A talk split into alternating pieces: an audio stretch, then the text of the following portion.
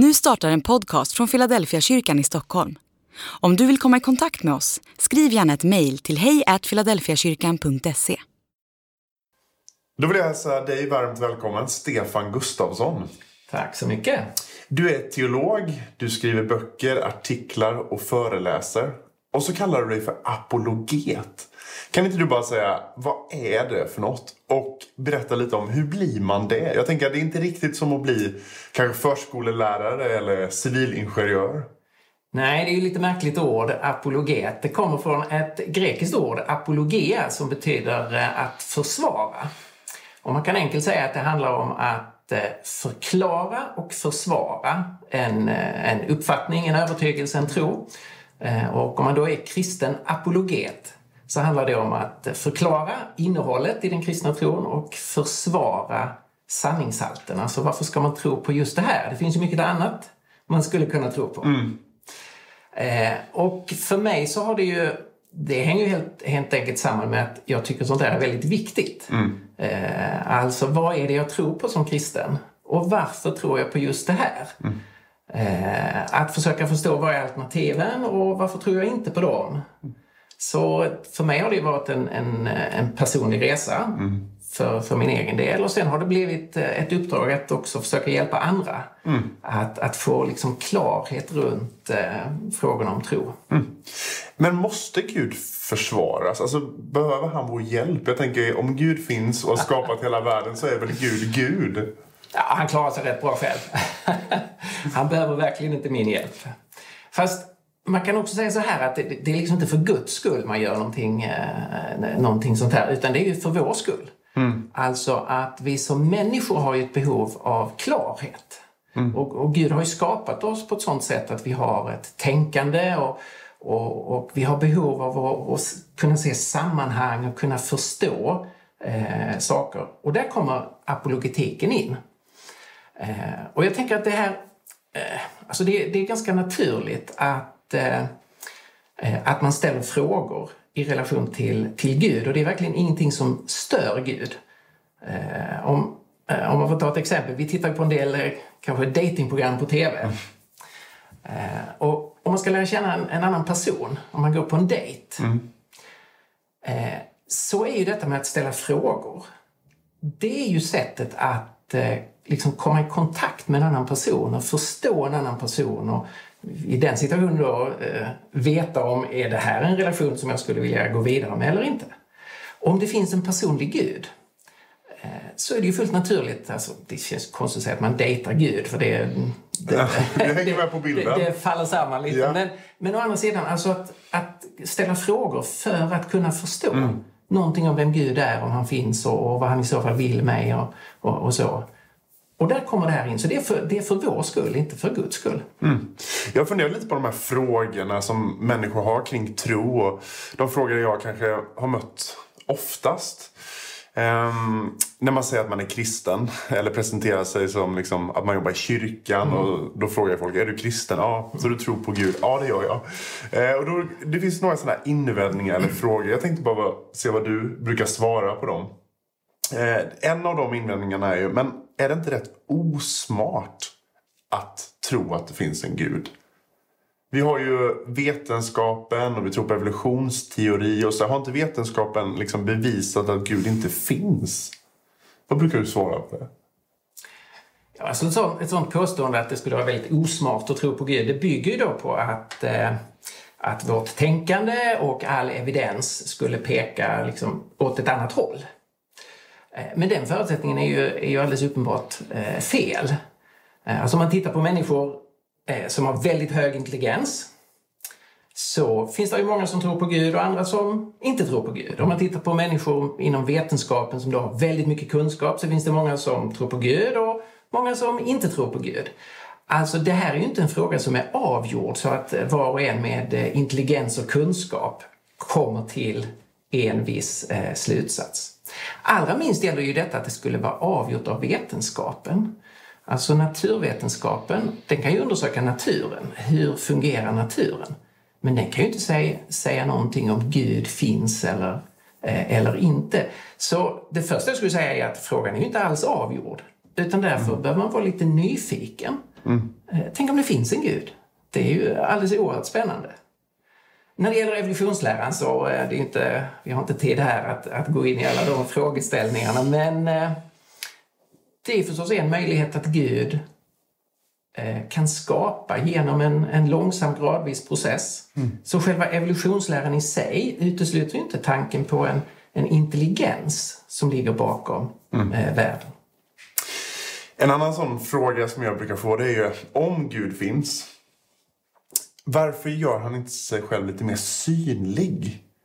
Alltså att det blir lite uppenbart. Du sa att det finns en del smarta som tror på Gud och inte tror på Gud. Det är ju liksom ganska mycket upp till oss själva att bilda oss en uppfattning om det här stämmer och om Gud finns. Om han bara gjorde det lite mer synligt. Det var någon som frågade mig liksom, om, varför, om Gud finns, varför skriver han inte med graffiti bara på hela himlen? I was here. Hälsningar Gud. Mm. Ja, det kan man fråga sig. Eh, och samtidigt så är det lite konstigt att vi ska bestämma på vilket sätt Gud har, eh, ska ge sig till känna. Mm. Eh, det är liksom lite fördomsfullt att, att jag ska sätta upp kriterierna. Tänk om det är så här att Gud har gett sig till känna genom skapelsens skönhet. Genom det som naturvetenskapen identifierar som, eh, som liksom tecken på design. Alltså det, det, det är helt, eh, de helt oerhörda sambanden i, i, i naturen. Eller vi kan tänka på Big Bang-teorin. Det, det är märkligt att naturvetenskapen idag säger att universum har inte alltid funnits, det har blivit till. Ja, men det tyder ju på att det finns en orsak som har låtit universum bli till. Eller vi kan ta en sån sak som, eh, som vi håller så högt, många av oss i, i vår kultur, att människan är värdefull. Vi ser att det är något speciellt med människan. Ja, men är inte det ett tecken på att det finns någonting bortom människan som har gett människan värde? Om vi bara är ett stycke natur eller ett högt utvecklat djur mm. så saknar vi ju grund för den här uppfattningen att människan är speciell. Men det faller ju på plats ifall människan är skapad till Guds avbild. Så, så jag tänker att det handlar ganska mycket om eh, var man väljer att titta. Mm. Gud har inte skrivit ett, eh, ett språkligt meddelande på engelska, I was here, på, på himlen. Men han skulle ju kunna ha sänt ett budskap på andra sätt. Mm. Och om vi tänker på, eh, på julen så säger ju kristen tro att om det är någonstans vi ska titta så är det i den historiska personen Jesus från Nasaret. Där har Gud gett sig till känna. Så jag tycker här måste man vara nyfiken och liksom titta på många olika håll. Mm. Titta på skapelsens skönhet och titta på Jesus från Nasaret. Nu är det fjärde advent idag och snart ska vi då fira julen som handlar om att Jesus, Guds son, blir människa. Och då läser vi ofta berättelsen om hur det går till. Hur den här jungfru Maria föder ett barn i ett smutsigt stall och det är några vise män och det är Betlehem och krubbar och allt det här. Hur, hur kan man veta att allt det verkligen har hänt? Jag tänker, vi läser ju texter från Nya Testamentet i Bibeln som är nästan 2000 år gamla. Och där hittar vi då informationen till de här berättelserna som, eh, som du precis har nämnt. Men hur tillförlitligt är det? Ja, i, i centrum av kristen tro så står ju historiska, eh, historiska händelser. Och det intressanta är ju att när det gäller de historiska händelserna, alltså det som händer med, eh, med Jesus, hans, eh, hans födelse som vi firar nu och hans liv och hans död och det som påstås om hans uppståndelse, så har vi ju tidigt historiskt material. Och frågan om tillförlitlighet historiskt, det är ju inte att man tittar på hur långt bak i historien från där vi är nu är händelsen, utan man tittar på hur nära ligger de äldsta, det äldsta källmaterialet till händelsen. Och då är det ju så att eh, vi har ett väldigt, ett väldigt tidigt material om Jesus från Nasaret. Alltså evangelierna är ju källor från eh, det första århundradet, skrivna före århundra, skrivna medan ögonvittnesgenerationen fortfarande levde. Och de är källor som har blivit bekräftade på, på många områden när det gäller den yttre historiska ramen. Eh, alltså Herodes den store som vi läser om i, i, eh, i julens texter. Eller eh, eh Kajafas, översteprästen, som dömer Jesus, Pontius Pilatus som verkställer eh, dödsdomen. Hela den yttre ramen är ju bekräftad och, och, vi kan se att detta är historiskt riktigt. Evangelierna innehåller mängder med ögonvittnesuppgifter som, som faller väldigt väl på plats eh, utifrån den kunskap vi har, eh, har om antiken. Så vi är på ganska fast historisk grund när vi läser evangelierna. Så vi har ögonvittnesskildringarna som skrivs ner ganska snabbt ändå om man jämför med annan litteratur från mm. den tiden. Och sen har vi andra historiska fakta som bekräftar det. Men den stora poängen med julen, det är ju det här att Gud föds som ett barn. Eh, och det är ganska unikt om man jämför med alla andra religioner så är det bara kristen tro som har den tanken. Varför är det så viktigt inom kristendomen? Det kopplar tillbaka till den här frågan vi hade uppe tidigare. Varför ger sig Gud inte till känna? Och enligt kristen tro har Gud gett sig till känna på det här fantastiska sättet att han har blivit en av oss. Eh, och, och det understryker ju att Gud verkligen vill ha med oss att göra. Han vill relatera till oss och han blir en av oss. Eh, och det är ett fantastiskt budskap att Gud gör sig åtkomlig och möter oss på vår nivå, vår nivå i, en, mm. i en människas gestalt. I en fantastisk person, eh, Jesus från Nasaret. Så jag tycker ju så här att det, är en helt naturlig fråga att säga, ja men om det finns en Gud som har skapat världen, varför hör han inte av sig? Och då säger kristen tro, han har hört av sig. Och det är därför som man måste, tycker jag, ge evangelierna en chans för att se, tänk om det är eh, liksom kontaktpunkten mellan skaparen och mig som en, eh, en liten skapad varelse. Mm. Man brukar tala om att det liksom är ett nytt kapitel efter Jesus födelse. Gud blir liksom människa och som du säger, han hör av sig till mänskligheten och visar vem Gud är och liksom en annan väg för mänskligheten framåt som bygger på försoning och fred och kärlek. Om nu Gud blev människa och startade liksom den här revolutionen varför märks inte den tydligare idag? Jag tror att en av de vanligaste invändningarna som folk har mot kristen tro och religion överlag är ju att om Gud finns, varför finns det så mycket ondska och elände? Liksom, konflikten i Syrien fortsätter, det är en pandemi nu som, som eh, skördar väldigt mycket offer. Varför låter Gud allt det här hända? Vad brukar du svara på det? Ja, det är ju förstås en, en väldigt stor och väldigt viktig fråga och helt naturlig fråga. Världen är en, en eh, vacker plats men också en, en eh, plats med så mycket ondska. Eh, hur ska man tänka kring det? Här, här tror jag det är viktigt att se att det, det, finns ju vissa frågor som man kan ge ett väldigt exakt svar på. Så om, om du skulle fråga mig hur lång är jag? Så kan man ge ett ganska exakt svar i, i liksom centimeter och millimeter och så, okej, okay, då har vi svaret på min längd. Sen finns det ju andra frågor där man inte kan ge den sortens exakt matematiskt eh, svar. Men när man fortfarande kan ge, man kan ge perspektiv och där olika livsåskådningar och filosofier liksom ger perspektiv på en fråga. Och här tycker jag att kristen tro ger väldigt fascinerande och, och högst meningsfulla perspektiv på den här frågan om, om det onda. Ett perspektiv är att man tittar tillbaka i historien och säger att det har inte alltid varit så här. Eh, det var inte Guds eh, det var inte Guds plan från början eller Guds vilja från början utan det är vi människor som har ställt till någonting. Någonting har gått fel i historien. Det är därför världen ser ut som den gör. Och sen tittar kristen tro framåt och säger men Gud ska vrida allting till rätta. En dag ska allting bli helt igen. Och sen tittar kristen tro i mitten av historien och säger i Jesus så har Gud visat eh, vad det är han vill och hur han ska vrida är allting rätt. Och det man ser när man läser evangelierna det är ju att runt omkring Jesus så helas livet.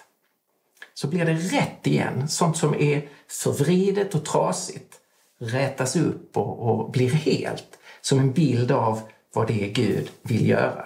Och nu befinner vi oss fortfarande liksom mitt i historien mm. där allt det här eländet fortsätter att verka samtidigt som då Gud har påbörjat någonting nytt eh, genom sitt rike som en dag då ska bli eh, fullkomnas och liksom ta över hela tillvaron. Så man måste ha det stora perspektivet. Gud hade en annan plan från början. Eh, I Jesus så ser vi en annan väg framåt och en dag kommer den liksom gestaltas fullt ut. Mm. Men hur tänker du själv då om du drabbats av lidande eller ondska in i ditt eget liv? När du ändå håller fast vid tanken på en god Gud? Jag är som kristen inte, inte förvånad att sånt kan hända andra människor, precis som det kan, det kan hända mig. Därför eh, eh, Bibeln är väldigt realistisk kring det här att nu är världen en, en, en trasig plats. Och här finns det en mängd krafter som verkar, eh, som finns där och som drar isär och, och vill förstöra. Så eh, jag blir inte förvånad, mm. men jag blir heller inte fullständigt eh, nedslagen av det. Därför att eh, om Gud finns så finns det ett hopp om att det som sker nu och som gör väldigt ont i mitt liv, det är inte det som definierar mig och det är inte det som blir sista ordet om min existens. Mm. Och det är den stora skillnaden om, om Gud finns, att, att våra liv eh, kommer ju sluta med eh, en gravsten och en kropp som ruttnar bort. Om vi bara tittar på ytan här. Mm. Eh, enligt kristen tro så är det liksom inte slutordet om eh, mitt liv. Eh, utan det finns ett annat slutord. Och därför så, och som handlar om, om hopp, om uppståndelse, om liv. Och därför så behöver det svåra som drabbar en människa behöver inte definiera en människa om Gud finns. Sista frågan. Om man nu tittar på det här samtalet och kanske kallar sig ateist eller agnostiker men är intresserad av kristen tro. Man är inte helt säker fortfarande om det är 100% intellektuellt hållbart eller man har fortfarande sina tvivel. Vad skulle du säga till den personen? Vad tar man för nästa steg? Liksom, hur mycket måste man tro på eller ha koll på för att kanske bli en kristen eller kalla sig troende? Måste man ha 100% av alla svar? Eh, eller hur gör man? Ja, det, är en, eh, det är en jättebra fråga. Eh, och eh, där kan jag ju gärna vända mig till, till dig som har lyssnat på det här samtalet och säga att det, det finns ju inte i något tillfälle av livet att man har den här hundraprocentiga säkerheten. Eh, man söker ett nytt jobb. Man kan ju inte veta säkert om man tackar ja till det, om det blir Eh, om det kommer att bli bättre än det man har tidigare eller vad som blir utfallet av det. Man inleder en ny relation eller man får en, en eh, hoppas på en ny vänskap. Den här hundraprocentiga säkerheten finns inte någonstans. Men det handlar ju om att, att vara nyfiken och se, kan jag ta ett nytt steg i mitt liv? Och har jag tillräckligt med skäl för att våga ta det här nya jobbet eller att våga säga ja till en annan människa i mitt liv? Och sen får man ju se, det finns ju liksom en punkt där man säger jo, jag har tillräckligt goda skäl för detta. Och så tar man ett steg för att se om det håller.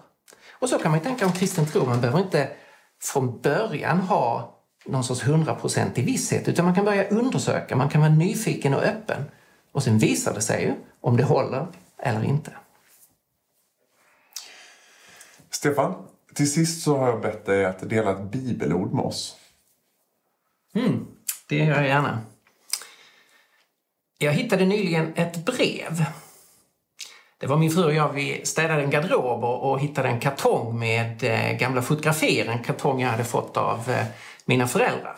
Och jag kände igen många av fotografierna, jag hade sett dem tidigare. Men där låg också ett brev. Ett brev som jag inte hade läst. Och det visade sig vara ett brev från min farmor till min mamma skrivet någon dag efter min födelse. Och den skickade min farmor en hälsning med psalm 33. Och när jag nu läste det här brevet, 60 år efter att det skrevs, så blev det som en, en hälsning eh, till mig och mitt liv. Och jag vill gärna ge den hälsningen vidare till dig. Psalm 33 är en underbar lovsång, en hyllning till livet. Och vi uppmanas att sjunga glädjesånger, att skriva nya sånger i glädje över livet. När jag läste psalmen var det var det tre passager som särskilt talade till mig och som alla understryker att livet är meningsfullt. Det står så här. Först, psalmisten säger Han, Gud, talade och allt blev till. Han har gett tanke och liv.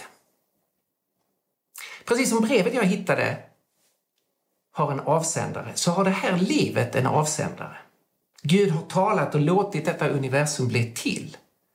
Det finns en tanke bakom livet. Gud har gett mig mitt liv, dig ditt liv. Och det är han som har gett oss också vår tanke. Jag gillar formuleringen. Han har gett liv och tanke. Vilken skillnad det gör att förstå sig själv genom att titta uppåt mot Gud och tänka det som fanns först, det som alltid har funnits. Det är liv, det är tanke, det är kärlek. Det är därför jag kan tänka och det är därför jag längtar så efter kärlek. Alternativet är att titta neråt och tänka att det som alltid har funnits, det är energi och materia. Det är elektroner och protoner. Det är fysik och kemi. Alltså det som saknar tanke, det som saknar kärlek. Men då, om jag har det ursprunget, då sänks jag ju till den nivån. Jag blir någonting lägre än det jag vet att jag själv är. När jag vill hellre lyfta min blick och förstå mig själv utifrån Gud. Vidare så säger eh, salmen Herrens plan står fast för evigt. Den Gud som har skapat livet, han har inte övergett det. Han är fortfarande involverad och han har en plan som inte låter sig rubbas. Just nu lever vi i en tid där vi vet vad det är att ställa in saker, att få sina, eh, att få sina planer överkörda. Corona sätter stopp för så mycket av det vi har tänkt och vi lever med besvikelse på många områden. Men det finns en övergripande plan, Guds plan för världen. Och det underbara är att jag får synka ihop mitt liv och mina planer med den övergripande planen som Gud har för mig och för hela världen. Det här gör livet djupt meningsfullt. Det finns en plan med att jag finns. Det finns en plan med att världen finns. Och den planen har sitt centrum, det som vi nu firar i jul, det som Gud gör i Jesus Kristus. Och så slutar salmen med orden I honom har våra hjärtan sin glädje. Det finns en del människor som tänker så att om man, om man kopplar samman sig med Gud så begränsar man sitt liv. Då dräneras livet på det som är, är spännande eller glädjefyllt. Psalmistens erfarenhet är precis det motsatta. Hjärtat fylls med glädje. Så här är min eh, utmaning till dig. Våga att kliva in i den stora berättelsen om livet. Att Gud har skapat oss och därför är livet laddat med mening. Att Gud har en plan för dig. Du kan få haka in ditt liv, haka fast ditt liv i någonting som är mycket större än dig själv. Vem vet? Det kan börja födas en ny sång av glädje i ditt hjärta. Tack Stefan. Tack för att du har varit med oss idag. Och så får jag passa på att önska dig och din familj en riktigt god jul. Tack detsamma.